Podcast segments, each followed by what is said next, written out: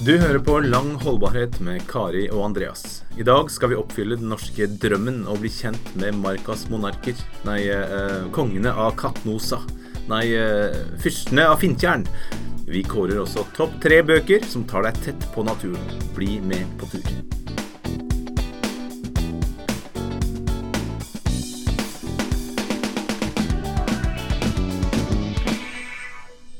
Ja, Kari. Hallo, hallo. Hallo.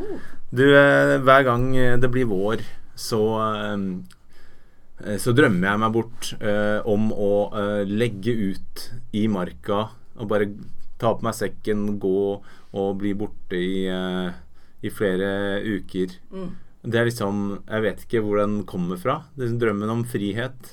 Og jeg, jeg har jo gjort det. Jeg har vært på fottur en uke av gangen i England osv., og, så videre, og jeg har kanskje tatt en dag hjemme. Men det er sjelden jeg overnatter eh, under åpen himmel i mange dager og liksom gjør alvor av det. Men jeg, jeg tenkte når jeg leste denne boka som vi skal snakke om, 'Fyrsten av Finntjern', at eh, det er liksom kanskje den norske drømmen. Vi snakker så mye om den amerikanske drømmen om å lykkes og bli rik og sånn. Eh, er det den norske drømmen? Være ute i naturen og leve fritt? Jeg tror det ligger i sjela vår. Og vi kjenner det jo fra påskeferier og vinterferier når vi drar på hytta. Vi vil til og med ha det litt primitivt. Eh, kanskje, det er ikke alle som bor i telt. Det er ikke alle som ligger under åpen himmel. Men vi ser på Monsen på tur, og er med han. Og sitter på en sånn derre stubbe når snøen smelter og lyngen begynner å titte fram. Og du legger deg bakover og tar fram eh, kakaokoppen og kjenner at det, det er bare her jeg vil være. Og da er du varm i kinnene etter å ha gått.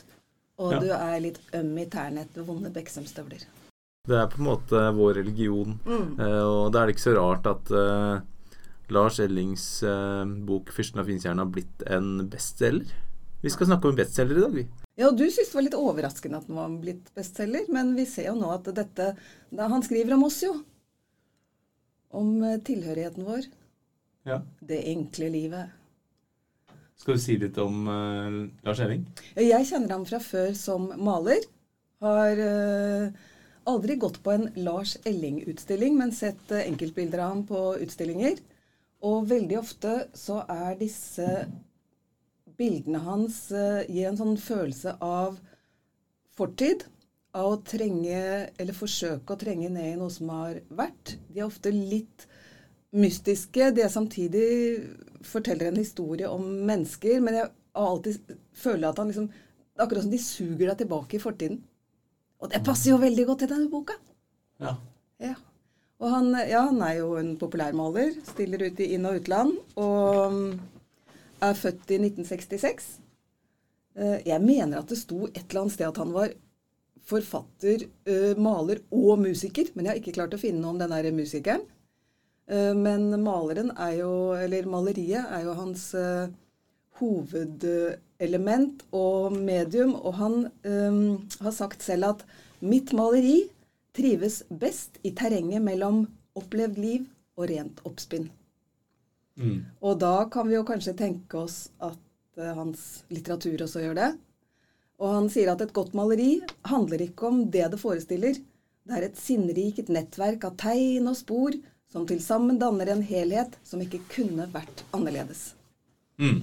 Det kan jo være en liten sånn greie å ta med seg inn i når vi snakker om den romanen. Helt klart. Og det er litt sånn Hvor av verden kom han fra? Den eh, stemmen bare som for, Fortellerstemmen bare virker som den bare var sånn født. Eh, ikke som en døgnflue, som vi starter med i boka, men som bare, bare ferdig formet eh, på et så høyt plan at det, det var liksom langt over det jeg kunne skrevet. Veldig. Og jeg lå, da jeg leste romanen, så lå jeg på en terrasse på Hvaler i sommersola. Og jeg nøt øh, beskrivelsen hans. Og jeg tenkte og hvor, hvordan, hvor tar han alt dette fra? Ja. Og så er det jo åpenbart at han er maler, for beskrivelsene er jo sånn øh, praktfulle. Uh, Ja, du sa til meg at eh, Hva var det? At det var det, det fineste du ja, da, jeg er jo alltid veldig begeistret med en gang. Så, 'Å, fineste jeg har lest noen gang!' Ja. Og du sa 'Det er den siste boka du har lest'. Liksom, det kan ikke være det fineste. Men da var jeg veldig begeistret. Men jeg hadde en sånn liten ugg i magen. Noen ganger så fikk jeg en litt sånn Hamsun-følelse. Litt sånn um, uh, nybrottsmannen i skogen. Og så tenkte jeg er vi, er vi litt nazi her? Men det er vi jo for så vidt også. For denne romanen, ikke akkurat nazi, men den uh, har, trekker jo hele tiden inn uh, små hint om hva som skjer ute i verden. Ja. Og vi er i opptrappingen mot første verdenskrig. Og vi får høre om keiser Wilhelm. Senere får vi høre om skuddene i Sarajevo. Vi får høre om uh, Titanic. Titanic. Først når den liksom drar begeistret ut, og så etterpå når den blir funnet på havets bunn. Mange år etterpå.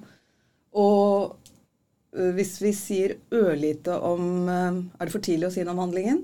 Nei, vi kan For vi møter jo en noe som kan kanskje være en litt dysfunksjonell familie, som bor i en tomannsbolig. Eller egentlig er det en enebolig som er delt i to. og Det er også viktig her.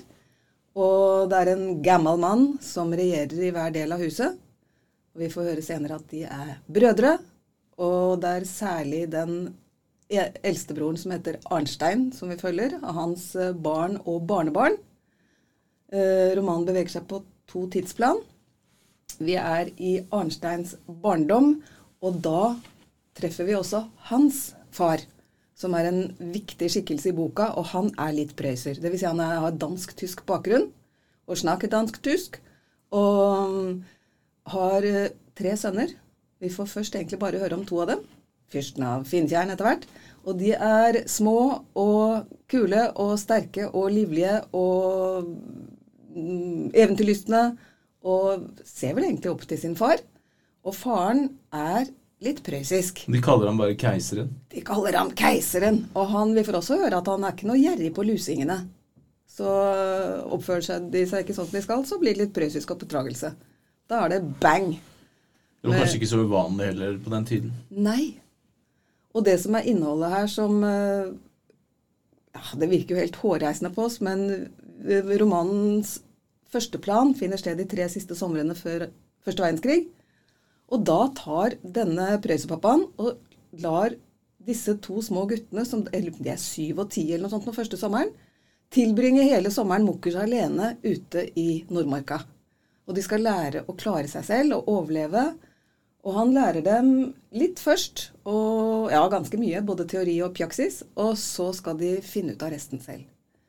Og det er, det er jo det jeg syns var helt eventyrlig å lese, og du får hjertebank, og du får både den der norske gleden ved å å, å fare ut i naturen og, og, oppdage ting. Og mestre, da. Og det hender jo de ikke mestrer, men de får til veldig mye. Det er ganske lystbetont hele veien. Det er ikke sånn at de sliter på begynnelsen, er det det? Nei, jeg kan ikke se at de sliter. De er uh, Vi får jo høre om når pappa, keiseren, har kjøpt inn utstyr til dem. Og de opplever det som den helt store julekvelden. Ja, ja. I, eh, i uh, notisboken min så skrev jeg bursdag, spørsmålstegn, julaften, spørsmålstegn. Fordi det var, eh, de åpnet opp disse, disse tingene, disse pakkene. Um, så, men så måtte de uh, ut og renske lus fra noen planter. Mm. Og holdt på i timevis med det før de fikk uh, åpne de siste. Men det var ikke noe um, Det var ikke julaften eller bursdag. Det var bare utferdsutstyr. Uh. Og manndomsutstyret. Ja. ja.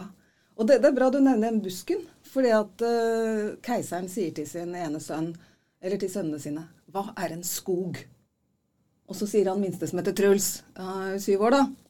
Uh, trær. Ja. ja. sier far at uh, kan ikke ha skog uten trær. Men så tar han dem med ut og, til en rosebusk. Og der får de se at det er både marihøner og lus, og at det foregår et samspill, og noen som lever på andre, og noen som melker andre og dreper og spiser og sånn. Og det er jo kjempespennende for disse små gutta. Og når de har sett en stund, så får de beskjed om å fjerne alle lusene, da. Så får de en skikkelig arbeidsoppgave. Men etterpå så sier lille Truls Å, var rosebusken skogen?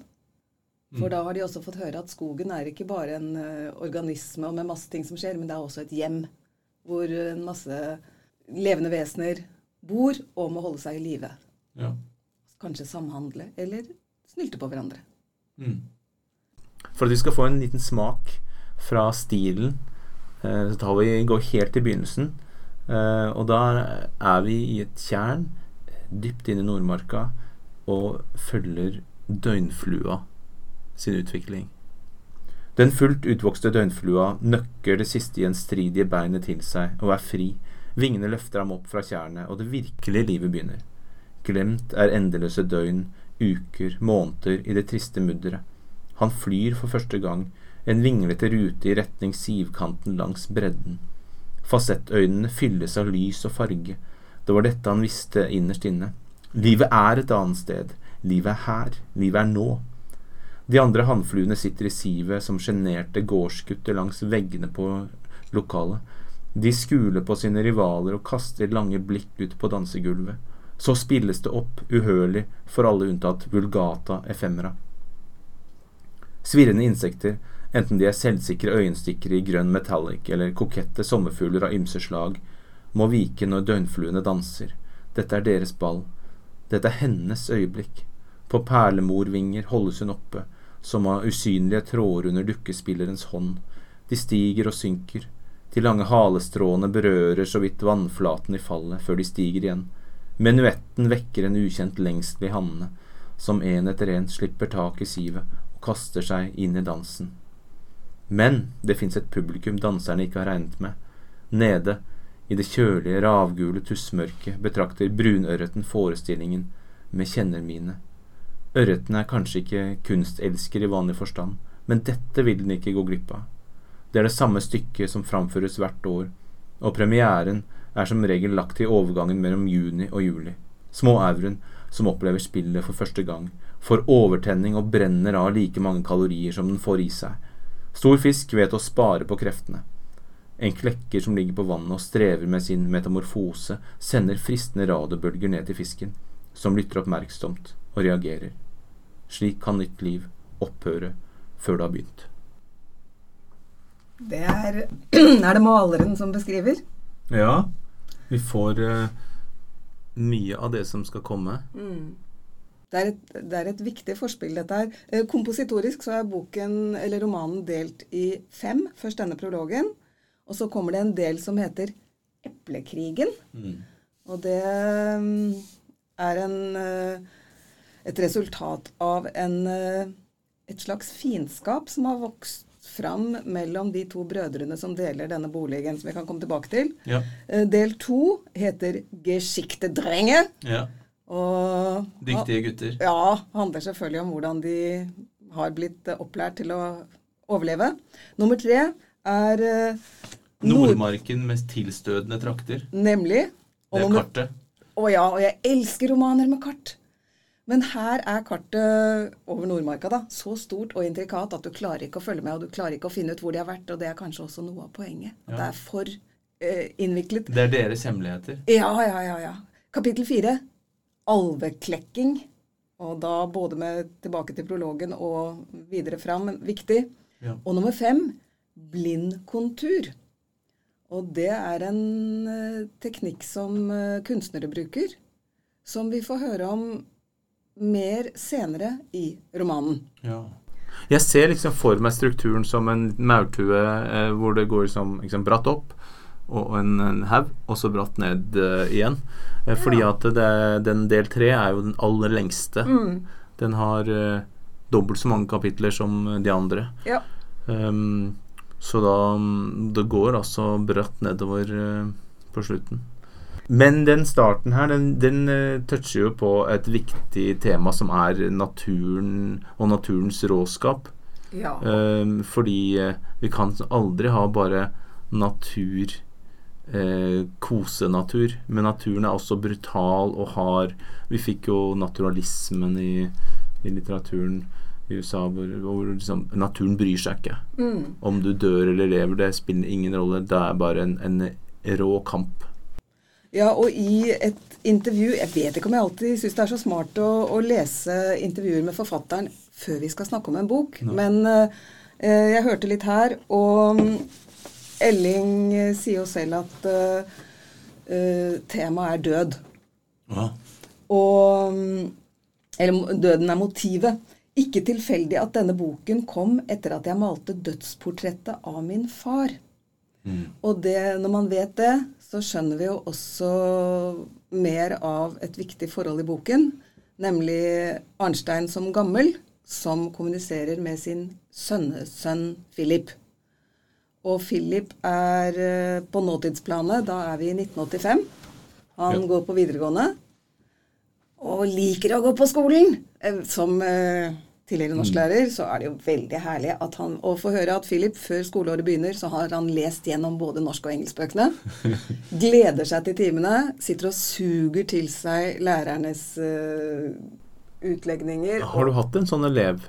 Ah, Jeg tror kanskje ikke det. Ikke de som har lest gjennom bøkene før skoleåret starter. Og det står altså at læreren vet om dette, men han røper ham ikke. Så Philip får sitte i fred og være Nyte litteraturen og Ja. Så eh, det som skaper, eller framdriften i boken, er jo at um, bestefar Arnstein er veldig syk.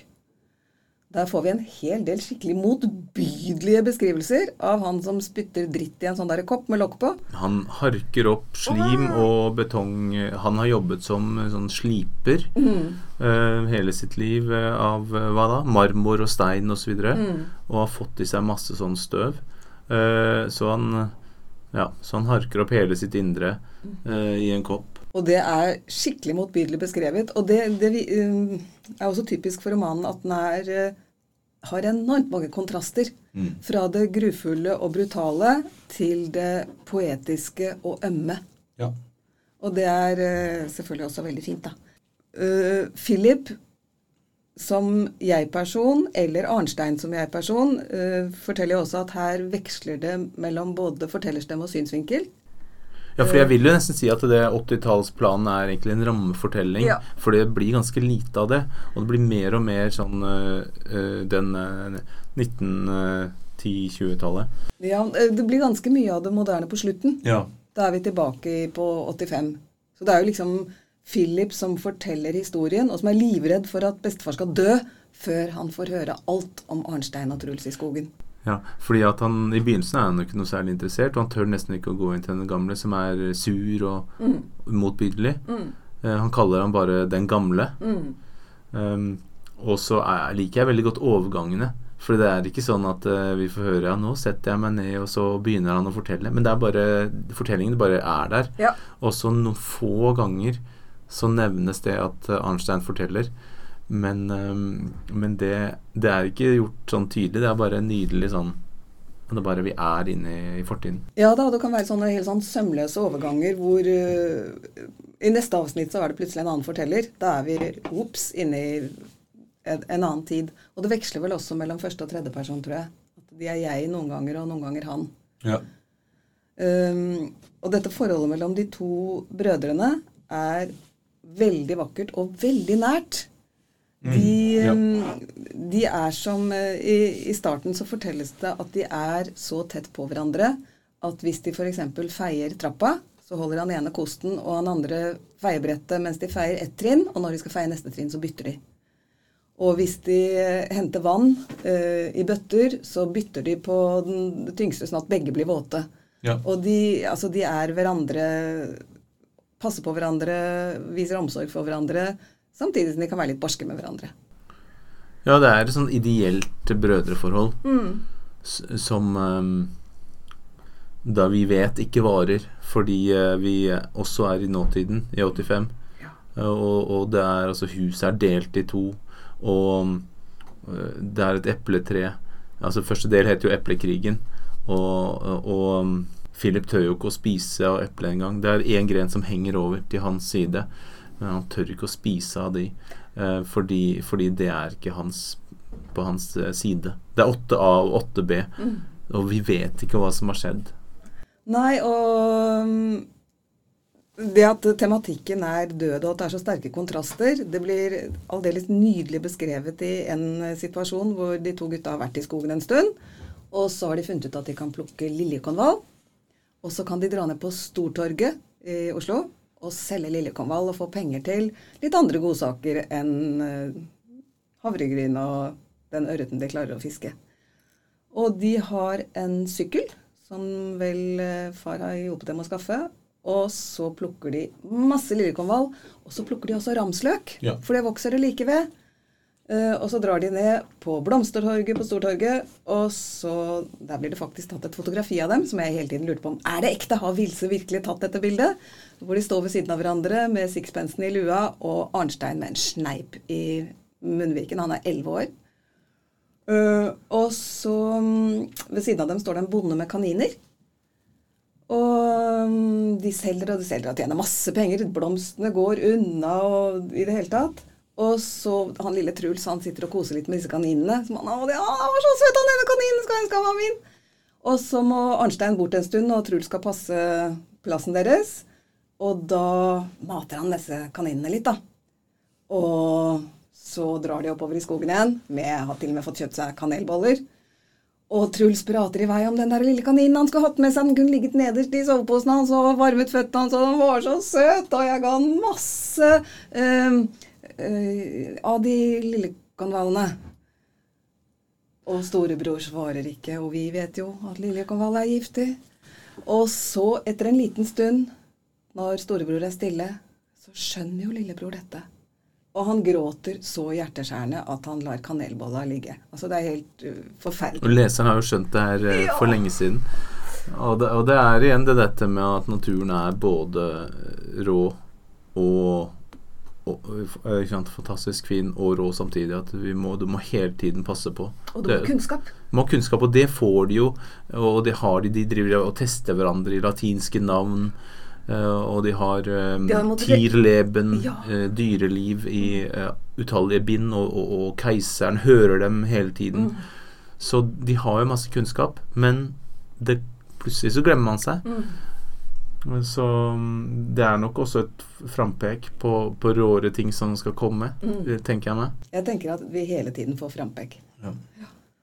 Og det, det, jeg sa med den der litt sånn uh, nazifølelsen, eller den litt sånn ugne følelsen av overmenneske og sånt vi, vi treffer tatere, og vi treffer um, ulike folk som bebor marka, fra tømmerhoggere til fløtere. Og så vil du si at det er en, veld, en bok som har veldig mye uh, hierarki, sosiale hierarkier. Men det er klart at Elling er på de svakes side.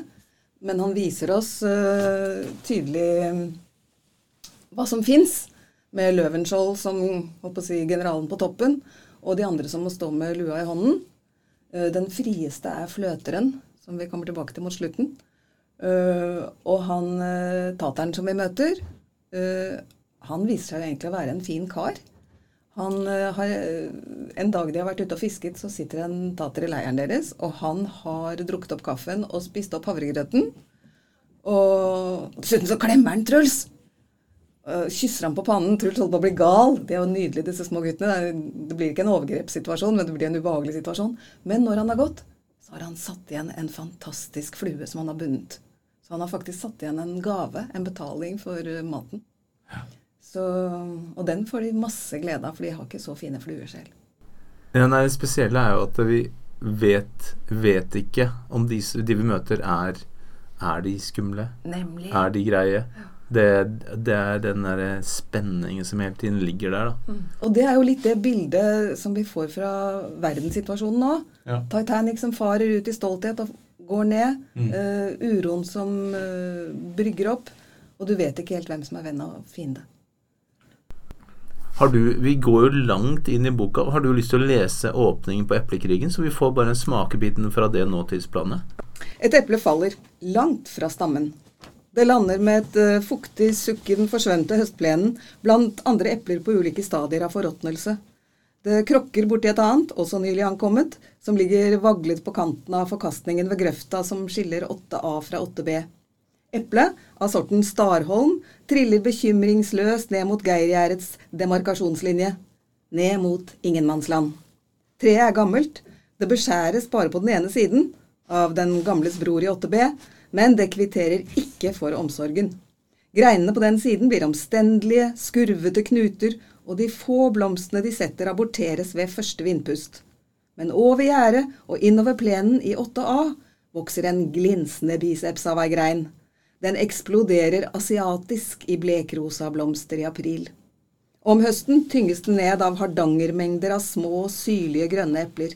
De smaker best rett fra treet, litt før de er helt modne, når kjernene fortsatt er hvite og de knaser mot tennene. Turi og Philip vokter seg vel for å røre dem. De må i hvert fall ikke bli sett. Ikke av dem i B, men heller ikke av familien i A. Treet vokser ubestridelig i kvartsveien 8B, men rotsystemet langt der nede har ingen kontroll over. Det suger vann helt ukritisk, både fra den kontaminerte mørke kilden i 8B og fra det mer rettskafne vannet hos oss oppe i 8A. Bestemor Jennifer klipper gresset under den voksne haugen. Selve eplene rører hun ikke. Vekten av nyankomne presser dem som ligger under, som presser dem som ligger nederst. En kant av uklippede gresstrå kranser haugen og former et fat som gjærer og syder på varme dager og stiger og synker ettersom vinden rister i greina. Først når siste Starholm-eple har sluppet taket og det råtnende fruktfatet er fullt, tar hun fram riva. Ja, og etter hvert så dytter da denne eplegrøten fram og tilbake under gjerdet til hverandre. Her er det krig. Og så, og så, leste du både fra den kontaminerte mørke kilden i 8B og fra det mer rettskaffende vannet hos oss oppe i 8A. Og, ja. hvem, og det er det Philip som tenker. Ja. Men eh, vi skjønner vel ikke det i boka at Truls er den, er den mørke? Det er ikke noe som tyder på at Truls er den mørke i romanen før dette, liksom. Før, før det, dette tidsplanet. Truls er den uskyldigste eh, det er én gang vi skjønner at han er litt lett å lede og kanskje ikke få får med seg alt. Arnstein er sintere, eldre, skjønner mer, ser tydeligere sammenhenger. Og um, jeg vet ikke hvor langt fram i boka vi skal hoppe, men det er en tredje bror. Bare hopp i vei. Ja. Uh, det er en tredje bror mm. som er eldre enn de to andre. Og han er ikke som alle andre. Og det står at uh, på denne tiden hadde man enda ingen, ikke noe navn på denne diagnosen eller på, på det som uh, feilte Tom Even. Mm. Og um, så han er uh, Jeg vet ikke om du har noen diagnose på ham? Nei, han er sannsynligvis litt sånn autistisk. Ja, han snakker lite. Kommer ett ord iblant. Han har lite mimikk, lite Han sitter eller står stort sett, gjør det han blir bedt om. De kaller ham totem, ikke sant? Veldig ja. stille. Mm. En totempel er jo og litt sterk. skummel, da. Ja, og han er i hvert fall to år eldre enn Arnstein. Mm. Jeg prøvde å finne nøyaktig uh, Ja, det er minst to år mellom hver av dem. Ja. Så Totem er høy og stor og sterk og sitter stille. Og er definitivt ikke en av brødreteamet på farten. Men uh, mot slutten av boken, så når krigen nærmer seg og ting uh, skrus opp i Europa, så har altså far, keiseren, funnet ut at Totem skal være med de to småbrødrene opp i skogen. Og særlig Arnstein får helt sjokk. I all verden, liksom. Skal vi ha med han? Hvordan skal det gå? Da er liksom slutt på moroa. Og de begynner med å øve seg ved å overnatte i hagen. Og De ligger ved siden av hverandre med to til mellom seg på en presenning ute på gresset. Og de to små Det er, det er vanskelig å sove. Eh, der ligger han der i kjempen, og han har en bok. Det er Peter Pan, som han er fryktelig glad i. Og han er veldig glad i Elsa Beskow putte i blåbærskogen med de små skikkelsene der. Og han elsker Peter Pan og alvene der. Og, Selvfølgelig fordi han alltid vil forbli et barn. Ja. Så han er barnlig og går alltid med den der Peter Pan-boka mm, i hendene. Og mm, de drar opp i skauen, de to små. Og mm, når de skal skilles fra far eh, til denne turen med Totem, så ser Arnstein trassig ned på skotuppene og nekter å møte farens blikk. Og Truls har latt seg kjøpe. For han har fått verdens fineste fiskestang ja. og fiskesnelle. Så han har glemt å bare er liksom Det var det du skulle frem til? Ja. ja. At han lett ble avledet og lot seg kjøpe. Uh, ikke bevisst, da, men han har liksom glemt Er dette noe skummelt? Og så går de tre etter hverandre opp i Nordmarka. Ja, Vi kan jo forstå det. Og han har jo ikke noe valg. Så da kan han like gjerne la seg kjøpe. ikke sant? Faren bestemmer. Ja, ja, ja. Men det står på slutten av et kapittel der at uh, Arnstein uh, er ikke sint, han er redd. Ja, eh, og med rette. Og med rette, fordi at disse to guttene har jo lært å lære, klare seg selv, men de har ikke lært å ta vare på noen, og i hvert fall ikke en som er så omsorgstrengende. Nei, så, og det er del fire, alvekløkking. Og jeg skriver min, i parentes der 'balansen forrykkes'. Mhm. For plutselig så er det ikke to, de er tre, Mhm. og alt blir egentlig annerledes. Um, ja. Han er veldig sterk, da, så de har veldig glede av ham ved en anledning. Hvor han klarer å, å løsne en bolt og, som de andre ikke har sjans på. Til båten. Mm. Til dette hemmelige tjernet som vi ikke har sagt at uh, det er så hemmelig at uh, det er en sånn svart rute i boka.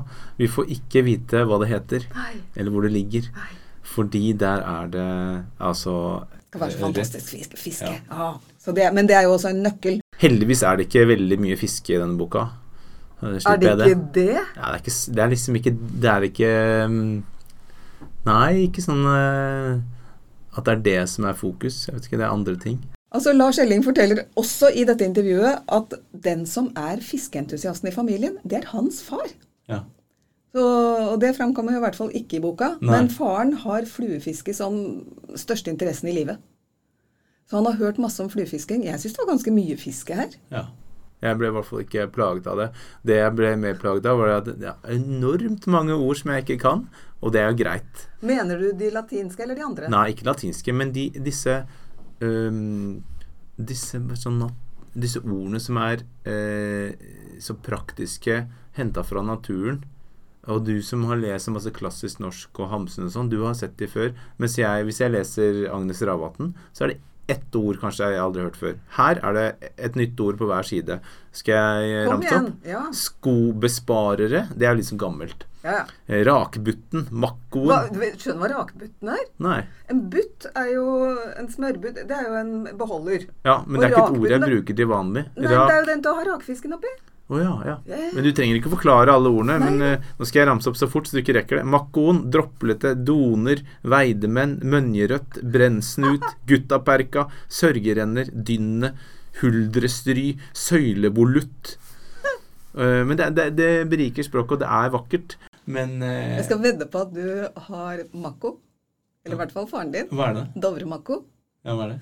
Sånn undertøy. Ja. Og jeg kunne være hel, vet du, hvit med knepper, knapper foran. Men den siste der kunne ikke jeg heller. Søylevolutt? Nei, Det- det, var noe utenpå huset eh, Noe Beskrive et eller annet arkitektonisk. Ja. Der er bare noen eksempler. Men det, jeg sa at det var eh, Det ga meg problemer, men det gjorde det ikke. Men, men eh, jeg biter meg merke i det. Ja. At her er det et språk som bare er danser omkring med masse ord eh, som jeg aldri har vært borti. Og noen ganger så kan vi jo lure på hvorfor har han med alle de elementene han har med? Er det for rett og slett å eh, gi oss gleden av eh, alle de eh, Hvordan Nordmarka var den gangen? De er jo på denne gården hvor det er slakt av gjess. Og hvor de blir hevet i vaskestampen og skrubbet. Og hvor de snakker om foie gras, som er sånn gåseleve på stei, vet du. Og de har et vanvittig mareritt. Eller for de, Ja. for de får lov til å overnatte der i, i, på låven med alle gjestene som henger opp ned. Og, og så våkner de opp, og så er det masse lyder, er det det? Ja, det er noe sånn gass som har skjedd i magen på disse gjestene. Og de er jo til og med hod, uh, hodeløse. Ja. Så de, de tror jo at det spøker der noe forferdelig, så de rømmer ellevilt fra denne gården. Ja, og det er deres eh, liksom, første møte med sivilisasjon på, på sikkert mange uker, kanskje en måned. Og grunnen til at de er på denne gården, er, som er en kjent gård for øvrig i Nordmarka, er at det, en dag så kommer det ei ku til eh, Ja. leirplassen deres. Og den kua er i en så elendig forfatning. Den rauter og hyler og skriker og har det vondt. Og ut av rumpa på henne så henger det noe rustrødt. Og gutta skjønner ikke hva som har skjedd. Hun har vel mistet kalven sin etter en, eh, nedi myra et eller annet sted. Ja. Men de steller og vasker og greier, og skjønner at en av grunnene til at hun har vondt, er at hun er voldsomt melkesprengt. Så plutselig har de ku og melk. Og de døper henne opptil flere ganger. Og så er det bonden som til slutt kommer og sier 'Men her er hun jo'. Og de sier 'Ja, kua vår'. Og så får de være med til gården og få godt stell og middag og overnatting. Ja, hun moren der som var fantastisk fin. eh, Men det river dem ut av deres eh, paradis eh, og tar dem inn i dette litt sånn skumle eh, den skumle døven. Men det jeg glemte eh, å si eh, der, var at eh, de gir jo kua navn. Ja. Og det er de uenige om. Det er en av de få uenighetene ja. i eh, boka. Så da får vi en, en sånn Begynner vi leseren å lure er det, er det her Er det her det starter, uenigheten. Men vi, det, det løser seg. Det eh, løser For de mister kua. Men det, da blir vi kjent med hva skal jeg si, de, de som bor på gård i Nordmarka. Og, senere, og så har vi truffet en tater. Og så treffer vi tømmerhoggere og fløter. Og, så vi Ja. treffer jo disse Vi får hele livet i Nordmarka. Ja. Mm. Så det, må, det er jo Selv om Elling selv sa at døden er motivet, øh, og det er øh, veldig mye kontraster og liv og død, øh, så gir han jo også dette mangfoldsbildet av livet i Nordmarka, som er veldig fint. Men er det Ja. um, hva er romanen, tenker du? Men jeg, jeg vil litt tilbake til Truls, Ja. fordi at uh, du snakket om at han var uh, lot seg kjøpe. Men vi møter han jo én gang i, eh, i nåtid. Ja. Og, og da liksom er han litt skummel. Jeg tenker at han er litt, virker litt umoden eller u... Ja, men han, han rister i skulderen hans og sier noe. Jeg har lyst til å Men, det, ja, men da, hvis du sier det, så er det vanskelig å ikke avsløre alt, vel? Ja, men jeg vet ikke om det ble avslørt. Ble det det? det kan... Nei, men det, dette handler jo om skyld. For i denne romanen så Her. Truls er rød i fjeset og blank i øynene. Han pirker Philip hardt i brystbeinet med en knortede finger. Men eplene forstår du som ramler på Arnsteins side av gjerdet, dem har han ikke samvittighet til å røre. Så får han kjerringa si til å skyve dem over til meg. Så det var Arnstein som starta eplekrigen, som du kaller det. Altså, men vi, vi får ikke noe svar her. Nei, og jeg syns ikke han er skummel. Det er jo egentlig bare et, um, et bevis på at ingenting er løst. At uh, smerten sitter der, at trassen sitter der, at uh, noen har gitt noen skylden for noe. Uh, Han prikker han hardt i brystbeinet, men, Ja. men han er kanskje ikke så skummel som jeg først tenkte. nei, jeg syns ikke han er skummel. Jeg syns Litt stakkarslig, er han ikke det? Vi får jo høre om de to brødrene en gang til. De gir et intervju. Ja, det er veldig tidlig i boka. Ja, men det er sent i handlingen. Ja, da blir de ført sammen av journalisten. Journalisten, så da sitter de på terrasse og skal fortelle om Nordmarka-tiden eh, som barn. Og da er de patetiske. Og han ene tisser i buksa, det er vel Arnstein. Ja. Og begge begynner å grine. Ja. Og journalisten må kutte, og skal de ta bilde eller ikke ta bilde? Ja. Det, det er en veldig stusslig situasjon som nok en gang er en voldsom kontrast til disse geschichte drei som har klart seg rundt i skauen. Fordi at det, det starter med en døgnflue, ikke sant? Livet er en døgnflue. Hvis du sa at det handler om døden. Um, som all god litteratur er at det handler om uh, hvor kort livet er, og tidens gang.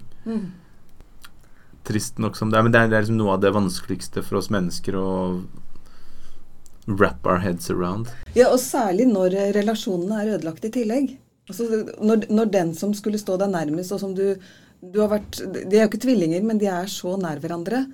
Og så ender det med en uforsonlig konflikt. Og da tenker jeg neste bok må da være fra, Fra Truls. Ja, det var det jeg antydet òg, at her er det kanskje en fortelling til. Ja. Med det andre perspektivet. Jeg vet ikke, men det er jo mer stoff å ta her. Du fortsetter videre, videre ikke sant? Mm. Mens kanskje vi ser det med Hva skjedde med Truls? Kanskje. Kanskje, kanskje, kanskje. Men du spurte meg hva er boka? Det var litt for vanskelig spørsmål. Ja, nei, jeg tenker at uh, um, Elling sier at uh, tema, Nei, motivet er døden. Og så får vi et, en rik beskrivelse av oppveksten, overlevelsen, Nordmarka, uh, sosiale hierarkier. Og, og så får vi selvfølgelig historien til Eller vi får portrettet av Philip, som er en slags uh, forfatteren, Ja. den unge kunstneren. Mm. Og Elling sa også at eh, jeg er både Philip og søsteren hans. Ja. Hun er liksom skarp og kjekk. Vi har ikke snakket om henne. Nei. Og i boka så heter hun Turi. Og så fant jeg ut at Elling har en søster som heter Trude. så eh, men, eh, men det er jo ikke uvanlig å lage en personlighet hvor, hvor to av karakterene er en skikkelse. Og han er jo sikkert i virkeligheten da eh, litt sammensatt. Men hun, for hun kommer seg jo unna hjemmet. Ja, så hun er bare så vidt med, for hun har dratt. Mm. Og hun er veldig sånn tøff og Og veldig flott, skjønner vi. Veldig pen og veldig skarp. eh, Har en humor som hun skal alltid liksom bare fleipe ting vekk. Mm, Og Kanskje det ironi heller mer enn Ja, humor. litt sånn avstand. Det Mm. passer ikke alltid helt. Forsker seg litt. Ja. Um, men eh, et svar på det vanskelige spørsmålet ditt kan det være at det handler om å se. Fordi, fordi vi leseren får til å se med hans blikk Mm. på hans verden, på naturen. Mm. Men også Jeg har lyst til å lese når han oppdager at han vil bli kunstner. Mm. Jeg kan lese her. Da han langt om lenge vakler ut av badstuen, er han både kokt og prylt, og rommet har forsvunnet i varm tåke. Han famler langs veggen etter et håndkle, finner det, tørker ansiktet. Foran seg, som gjennom kalkerpapir Er det riktig uttale? Det, er, det har jeg ka- Veldig bra. også et nytt ord. Ser han sin egen skikkelse gjengitt i speilets duggflate. Han går nærmere, til armlengdes avstand. Det ligner, han ligner, en uskarp våtplate fra fotografiets første år.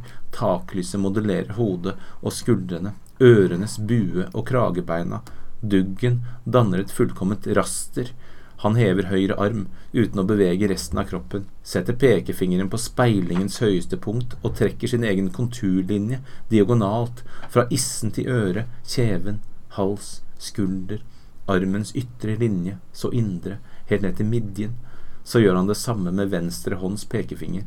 Høyre tegner venstre side, venstre tegner høyre side. Han stanser opp, betrakter seg, så prikker han inn øyenhulene, skyggen under nesa. Han går baklengs mot vinduet, vipper av den ene haspen, og albuer vinduet opp. Tåkehavet kommer i bevegelse og glir spiritistisk forbi ham, mens høsten utenfra kjøler ettersvetten på ryggen hans. Portrettet slipper tak i speilet, smelter og forvitrer. Det luter seg, eldes. Øynene slipper hver sin tåre, munnen sikler. Rommet gjennomstår mens figuren forsvinner. Ja, så her plutselig så kommer døden og tiden uh, inn.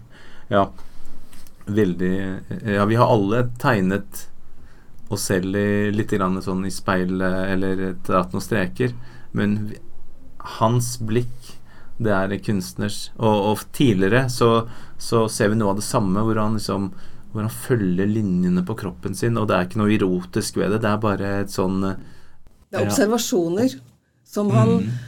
Og han leter jo etter den sanne streken. Og han får det jo ikke til. Han er ganske kri selvkritisk når det gjelder hvor langt han er kommet som kunstner. Han drar jo ut på Malmøya eller hvor det er med staffeli og skal male. Han en tegne. Han er tegner mm, foreløpig. Um, og han syns aldri han får det til, og kaster og kaster Nei, og faren er også ganske streng. Det er sånn venstre og høyre hjernehalvdel. Ja, ja, Du må slutte å Slutte å bruke, vurdere. bruke venstre. Det er bare høyre hjernehalvdel. Må ikke korrigere, du må ikke Ja. være flink. Og samtidig, hele tiden når han ser Han ser hele tiden. Uh, de går side opp, om side opp singelgangen mot huset. Kveldssola tegner tandre fargeblyantstreker under det liggende panelet. Philip ser det. Han kniper øynene sammen og memorerer det til senere bruk. Arkiverer det under lav sol på gul vegg. Ops! Fiolett skygge. Ja. Ikke sant? Ja. Og han drar på Vigelandsmuseet og ser på skulpturene og skal lage skisse. Og det blir litt sånn flinkt, men så finner han én fin, liten skulptur og skjønner at det er faktisk eh, Vigeland som har modellert sin lillebror Emanuel.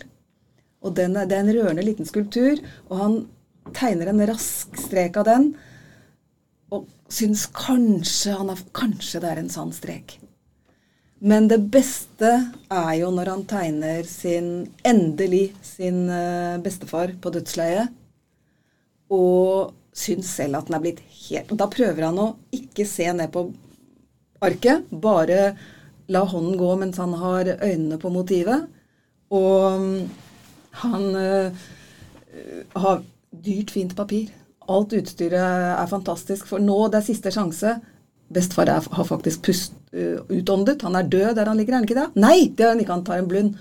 Men han tegner, og så ser han etterpå Herregud, dette er det verste jeg har gjort. Det er jo helt makabert. Jeg kan ikke vise det til noen. Og så kommer det noen sånn, skynder seg å gjemme det under duken ved siden av der hvor uh, bestefar ligger. Og etter at bestefar er død, så finner far arket. Og Philip han er, han er så vettaskremt av skam og fortvilelse og i all verden. Så ser far på arket og Det er det beste du har gjort. Endelig, Philip. Faren er en ganske skarp kritiker. Ja. Men her Så det, her har han liksom endelig nådd et eller annet. Og, og det er jo det, det siste kapitlet, kapittelet, eller siste delen i boka, heter jo 'blindkontur'. Og det handler jo om at du bare lar hånden bevege, deg, bevege seg uten at du på en måte styrer og er flink og bruker kunnskap. Det skal bare være det ekte, da. Den sanne streken. Så det er på slutten vi får det ekte? Ja, da nærmer Philip seg noe. Han kommer seg jo hjemmefra og begynner på kunstskole. Skjer ikke det på slutten? Jo. Vi, vi følger Jo, han jo, jo jo, vi får høre at uh, han dimmer fra militæret pga. beinet. Ja. For vi, Fra starten av så har vi jo fått høre at Philip har et slags jeg vet ikke om jeg skal kalle det et handikap, ja, men han har ett bein som er litt lengre enn det andre. Så han skjener når han går. Han må jobbe for ikke å fare ut i veikanten og krasje med biler og sånn. Og de har kanskje Totem også. Ja, de har to dem Så det er en, en likhet der. Ja, og de har en ting til felles. De har øyne mørke som smeltet sjokolade. Oi. Så det spørs om ikke Totem, selv om han er ehm, hva skal jeg si, evnesvak på en eller annen måte, ha, eh, har et poetisk gen, da. Eller en, har et kunstnergen. Ja, som, Som man forsøker å si noe. uforløst. Ja. Og det er også en frykt man har når man har det noe eh, sånn genetisk i slekten. Da Ja. tenker man alltid Å, Mm. skal jeg eh, Mm. Vil jeg bli sånn? Så, så leker Elling litt med ord her, da. Eh, fordi at um, Totem er jo så opptatt av Peter Pan. Ja. Og så presten, som uh, skal komme, han er har de svermet litt for da de var unge, særlig søstera til Elling. Så de har kalt ham for uh, pater Pen. Ja, og det er Turid som er Ja, ja. sitt verk. Ja. Så, men det er jo litt sånn lekent i boken, da, med masse Peter Pan, og så kommer pater Pen. Men altså, det er mange fine bilder. Jeg syns han er veldig god på språklige bilder. Og helt utrolig at dette er en debut. Selv om han har skrevet noen småting før, tror jeg, og et hørespill. Um, men eh, jeg skal få noen gullkorn av meg. Ja. Fortellingen er en skjør hengebro. ja, den har jeg notert meg. Taket er nesten uten utspring. Det ser gjerrig ut, som en caps trukket nedover et altfor stort hode. Fremviseren spyler veggen med lys. Ja. Ordene hans havner liksom oppå deg som pollen, og så må du børste dem av før de setter seg fast. Det er ordene til faren, som er psykolog. Eller fatter. Han kaller ham bare fatter, så Ja. det blir litt avstand. Gresshoppene klamrer seg fast, som olympiere som har sovnet under stavsprangkonkurransen. Og du ser det for deg. Dyna er et brannteppe jeg trekker over meg så dagen skal slukne. Og jeg har faktisk fanget gresshopper til en katt en gang som liten. Og det, det forundrer meg at jeg har gjort, for det var søsteren min og jeg vi fanget gresshopper, og så matet vi en katt med det på en gård. Men um, det er noen litt sånn metaaktige ting i denne romanen. Ja. På side 89 hos meg som har papirutgaven, så står det om, om arbeiderbevegelsen og at kystriket Norge mm, er tøffe saker, man skal aldri spise seg helt mett osv. Så, videre, så står det 'Hvorfor denne herdingen?' Hvorfor aldri helt mette? Aldri varmt nok kledd. Aldri helt utsovet. Truls Arnstein lever halvt i barndom og halvt på rekruttskole. Tysklands keiser Wilhelm 2., som seiler bekymringsløst mellom Berlin, Nordhafen og Sognefjorden, har ikke annet enn laks og jordbær i tankene. Keiseren i Kvartsveien derimot leser med uro små notiser i avisen. De store nasjonenes uforsonlige språkbruk og stadig skiftende dansepartnere bekymrer. Europa er blitt et kontinent hvor den minste fornærmelse betyr pistoler ved soloppgang. Så om eh, de skal herdes fordi at de skal med i denne her, men så enda mer på side 100. Der står det nemlig Et er problemet, altså denne historien her, tenker jeg, at dette ikke er en jobb for en tegning. Er det utpissa, skrøpelige brødreparet egentlig noe som hører hjemme i et annet medium? I en film? En roman? Eller er Diaset, som morens enkle referat fikk hjernen hans til å projisere bakerst i skallen, det egentlige bildet? Hvor den eneste troverdige versjonen inni hodet? Er det derfor den er umulig å fremkalle? sto jo så klart foran da han begynte, men nå er det som å prøve å komme på en glemt melodi mens det var en annen sang på hjernen. Det er et sånt uendelig villnis av språklige hindringer på veien mellom inntrykket og det han vil uttrykke, at det må ende i grøfta. Er man dømt til å reise penn og papirløst mellom det indre bildet og tegnearket? Veldig bra. Og det er Philip. Det er Philip. Og enda en til slutt. 269. Hvor lang er slutten? Når begynner den? Når skal man sette inn strykerne og spille tema som har vært antydet helt siden starten til ende? Snart. Ikke riktig ennå. Man setter bare inn noen takter. En tverrfløyte. Langt bak legato klaverakkorder. Eller en obo. Det er kanskje bedre. Mindre patos, mer alvor. Kamera kan gli langs pultradene på vindusrekka, og i bakgrunnen hører vi en lærerstemme og enkelte ord tatt ut av sammenheng. 1918. Versailles-traktaten. Så han begynner med å tegne eller tenke, og så lurer han kanskje på om han må skrive en roman. Ja. Og så vet vi at det er litt eh, basert på virkeligheten. Ja, og som sagt, eh, han sier at han tillater seg alt når det gjelder å dikte. Eh, Så det, vi snakker ikke virkelighetslitteratur, men også at eh, alt han har Han sier jeg spiller Elling, altså. Jeg spiller familiens teaterstykke gang på gang. Først på lerretet, og nå i bokform. Ja, nettopp. Og det er klart, alt, alt vi har opplevd, preger oss. Men jeg har lyst til å snakke litt om mamma Ja. i nåtiden, for det har vi ikke sagt noen ting om. Nei. Da skal jeg lese litt. Ja. Mamma er en fugl. Philip forestiller seg at hun er født i fangenskap og derfor ikke kjenner til noe annet. Det kan jo ikke stemme. Men det gjør det litt mindre trist å tenke på. Buret hennes er inne på det blå kjøkkenet, det eneste rommet som ikke er pusset opp ennå. Hun har bur i alle de andre, rommene også, men der er hun sjelden. Hvilken art hun tilhører, er vanskelig å si. Philip tror hun kan ha vært noe eksotisk da hun var ung. Han har sett bilder. Det er i svart-hvitt, riktignok, men man kan tydelig se at hun hadde dypgrønne øyne med svart maske rundt og et lite, blankt nebb og lange, altfor lange røde klør. Og en si, silkegul hale. Nå sitter hun oftest vaglet på kanten av utslagsvasken. Den som den gamle pleide å pisse i på natta når han ikke gadd å gå ned i første. Fjærdrakten hennes har falmet, naturlig nok. Hun plukker seg ustanselig og får nakne flekker og nuppete hud der det før var myke dyn. Så lenge Philip kan huske, har de vært påpasselige med å holde vinduer og dører lukket. Men de gangene de har glemt det, er hun der fremdeles. Hun forlater aldri huset. Til gjengjeld må de andre alltid si hvor de går og når de kommer tilbake. Bare slik er hun trygg. På gode dager kan hun fly mellom kjøkken og stue. Og hva tenker du når du leser om henne sånn? Det blir ganske trist. Mm. Hun drikker jo hele tiden òg. Ja.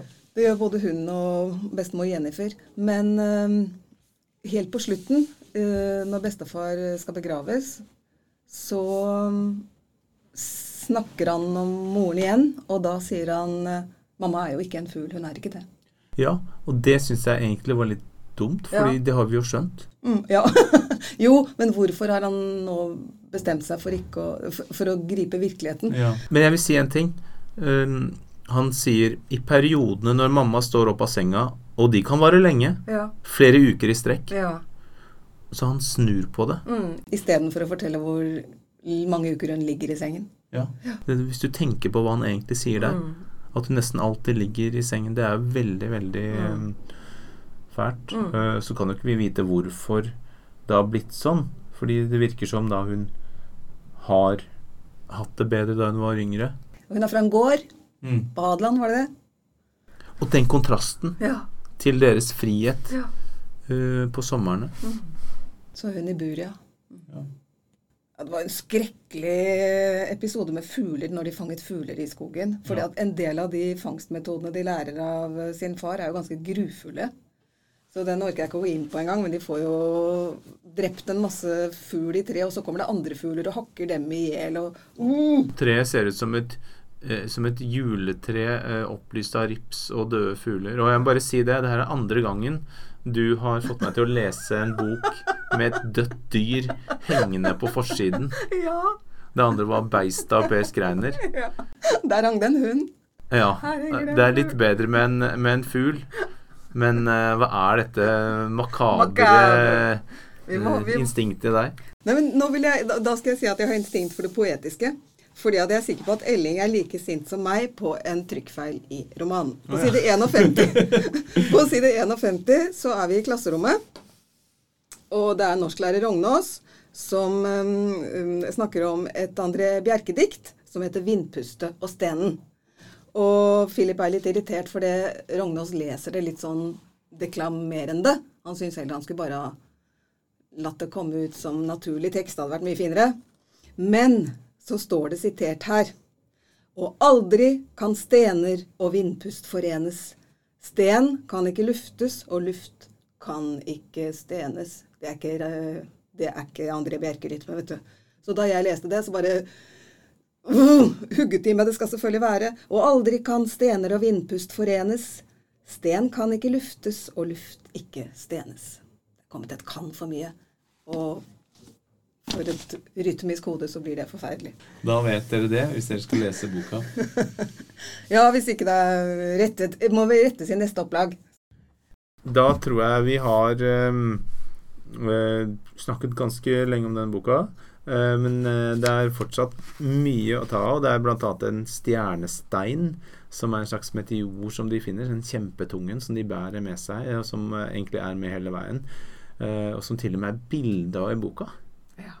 Um, og den spiller en rolle på slutten hvor det, hvor det drar seg til i en voldsom brudulje i en situasjon som egentlig kanskje kan tolkes som, som krigen. Ja, det står til og med en dato fra 1914. Uh, og jeg er ikke godt nok bevandret i uh, historien til første verdenskrig. Men um, det skjer noe den 27. i 8. 1914 Mm. i romanen. Ja. Og krigen bryter vel ut den sensommeren. Så dette er litt etter krigsutbruddet, men ikke vet jeg hva som skjer akkurat da. Da kan uh, krigshistorikerinteresserte interesserte Ja. Dykke ned i det. Så kan det være en sånn siste avslutning fra oss. En åpen avslutning. Og så skal vi gå på tre bøker som går tett på naturen.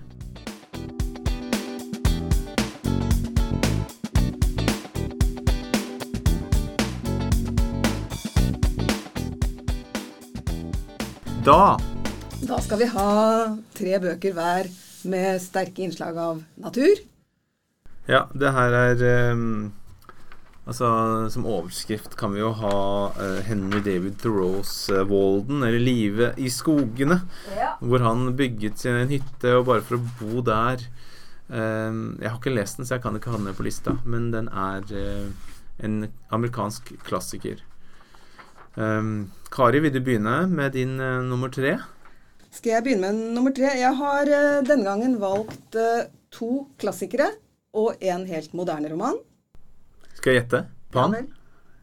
Pan var egentlig på lista, og så kuttet jeg den for å få med litt mer galskap og humor, siden det var så mye alvor her.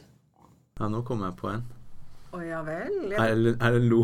det er ikke Erlend. Hva heter den? Det er ikke Erlend Og hva heter den? Doppler. Doppler, Det er dere. Det kunne vært Doppler. Eh, absolutt kunne vært Doppler. Eh, men eh, som sagt, eh, Pan var med helt til i morges. Ja. Og så Ikke minst pga. den litt sånn Hamsun-aktige følelsen jeg fikk av vår roman som vi har snakket om i dag. Men jeg har endt opp med eh, Jeg kan begynne med den eldste. Som er nesten fra samme tid som Pan. Pan er jo en 90-årsroman fra nyromantikken.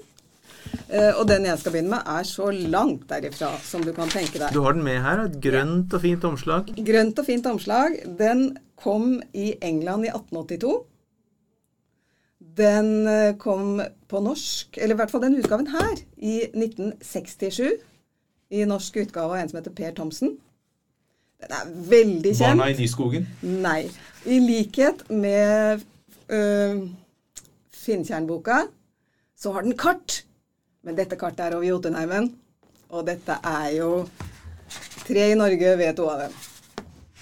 Ja. Har du lest den? Nei. Har du ikke lest tre i Norge, ved to av dem? Det er engelske adelsmenn eh, på fisketur i Nordmarka. Ja, jeg har lest 'Tre menn i en båt'. Ja, nei, nei, nei.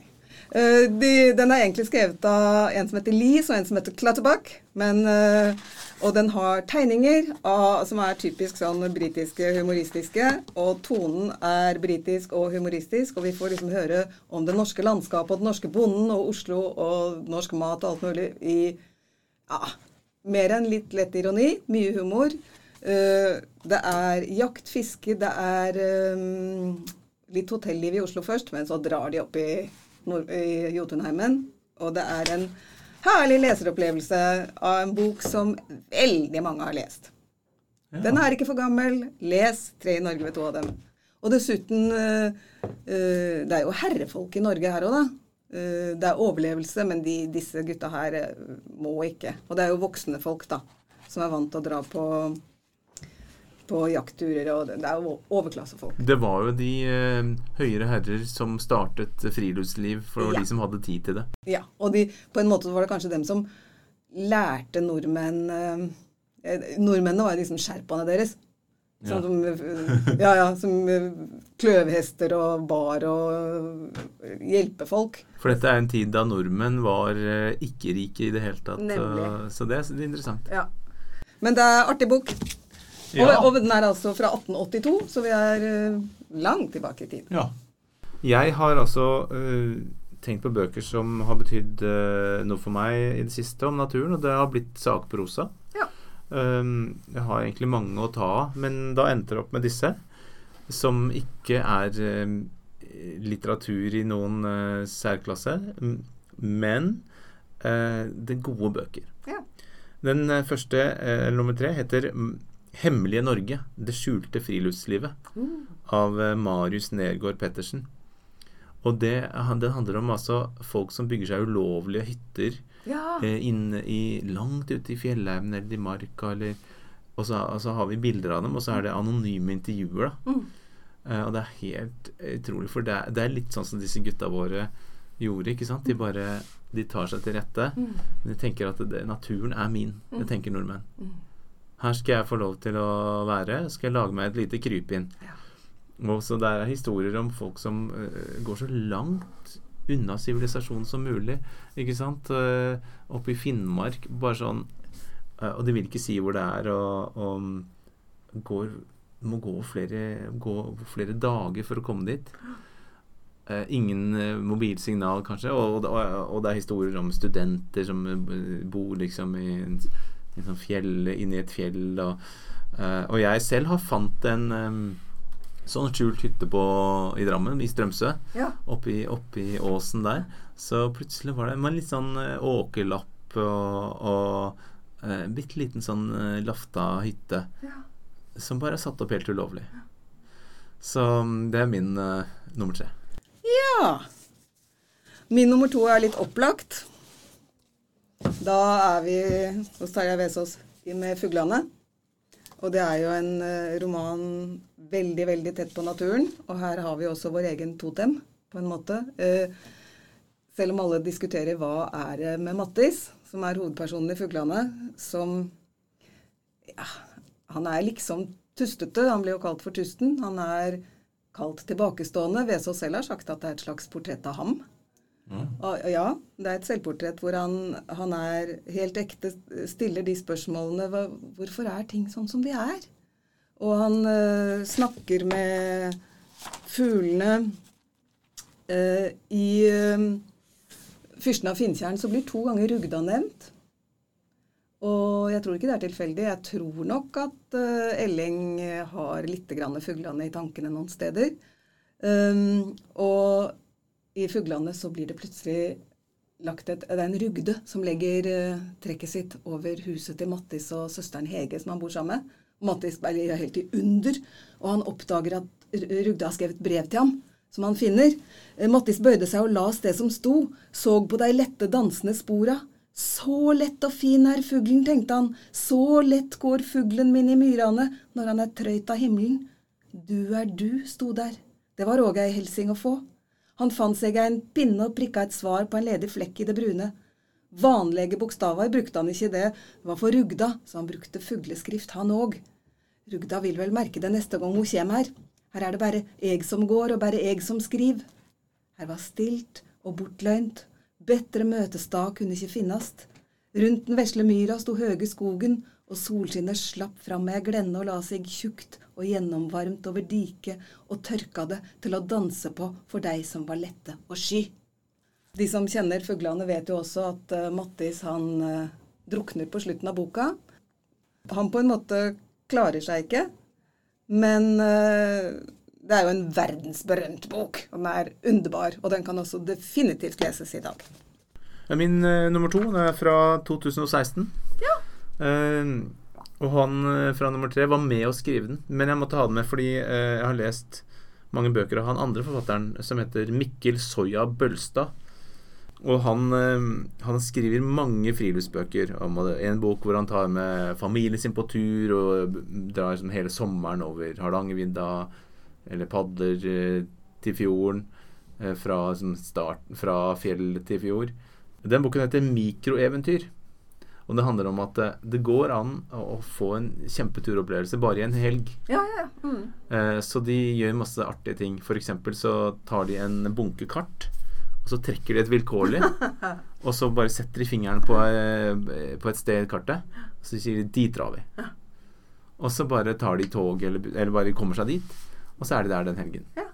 Um, en annen ting de gjør, de gjør, er at de tar Det er sånn Lars Monsen på tur, vet du, som blir sluppet ned et sted han ikke vet hvor er. Ja, ja. Det er uten kjendiser, det her. Det er for at det, det er en bruksbok som eh, vi, vi, alle kan gjøre det. Vi trenger ikke bare se det på TV. Um, de tar gamle sånne flytemadrasser, tar på seg våtdrakt uh, og, og, en sånn vanntett pose som de har litt bagasje i, som de bruker som, ja, ja, ja. som pute. Og så legger de seg på magen og padler nedover. Sånn starter i en elv og padler nedover den elven, da. Uh, og ser hvor de kommer. Uh, og kanskje, kanskje telter underveis. Herlig. Så, så mikroeventyr. Ja Uh, små opplevelser. Du kan oppleve så mye på en helg hvis du bare gjør noe annerledes. Ja, Du kan oppleve mye på en dag. Ja. Hvis du bare kaster deg ut i enten nærmiljø eller fjernmiljø. Ja, veldig bra. Min siste er uh, ny. Vi er på Kjerstin Ekman 'Løpe ulv', som kom i 2021 i Sverige. Og 'Løpeulv' er en roman om en jaktleder i de store svenske skoger. Lever et lykkelig ekteskap med sin kone. Um, han er blitt 70 og skal slutte. Han skal også slutte fordi han er blitt syk. Han, og, han har angina og dårlig hjerte. Og um, så opplever han en dag Han har dratt opp til en sånn gammel campingvogn han har stående inne i skogen, i snøen. Sitter der inne. Så får han øye på en ulv. Og det gjør et voldsomt inntrykk på han. og Han har jo sett mye villdyr før, og han har jo vært jaktleder han, i det hele tatt. Men nå skjer det på en måte at han identifiserer seg med dyret, og han blir dypt grepet. Og han får ikke ulven ut av tankene. Han kaller den for høgbein. Han begynner å drømme at han, ja. at han er uh, ulven og løper. Ja, og det er det som er tittelen. Løpeulv, det, det betyr ikke at en ulv skal løpe. Det betyr å løpe ulv. Det betyr på en måte å være i dette dyret. Og i starten så, så, opplevdes det så sterkt for han at han klarer ikke å snakke om det. Etter hvert så øh, snakker han litt med kona si. Og så får han et hjerteinfarkt og holder på å dø, men kommer seg på beina igjen og lurer på hvordan det går med ulven. Og det at han selv dør Her kan det jo være litt sånn parallellhistorier. For denne ulven Ja, nå spoiler vi alt, ass. Nei, ikke gjør det. Nei. Les 'Løpeulv', som er en uh, ja, Kjerstin Ekman skriver jo flott, da, for de som har lest 'Hendelser vid vatten' for mange år siden, så vet jeg at hun ofte fletter inn litt sånn um, Ikke akkurat kriminalhistorie, men nesten. Det er gjerne noe litt uh, En gåte som skal løses. Og det er veldig ofte tett på naturen. Og hun skriver knækende godt. Nå har hun en eldre dame. Hun ble født i 1933. Men skriver saftig, godt og levende enda. Og det mest interessante, syns jeg, er jo at han skifter perspektiv. ikke sant? Fra å være en jeger til å slutte å jakte. Ja, ja, han, vil jo til, og med- han er kommer jo til og med i konflikt med jaktlaget. Ikke nødvendigvis at, eh, at boka sier at det er feil å jakte, men, men at eh, du får litt sånn konflikt der, da. Mm, det som har vært hans liv, er plutselig noe han ikke kan forstå at han har gjort. Og dette kan jo selvfølgelig være et miljøperspektiv i det, er, det er grønt skifte her. Ja. Min nummer én fra, er fra 2006. Bjørn Gabrielsen skrev en bok som heter 'Veien ut'. Han eh, valgte å bo på en hytte langt inne i eh, Nordmarka. eh, I hvert fall et år. Han er en journalist i og forfatter. Skrevet uh, filmanmeldelser, skrevet for, skrevet skriver for Dagens Næringsliv. Så da han skildrer sitt liv uh, Det er en sånn norsk Walden, egentlig. eh, hvor han finner ut at det er veldig mye av tiden går, handler om å forberede ting og, og fikse ting.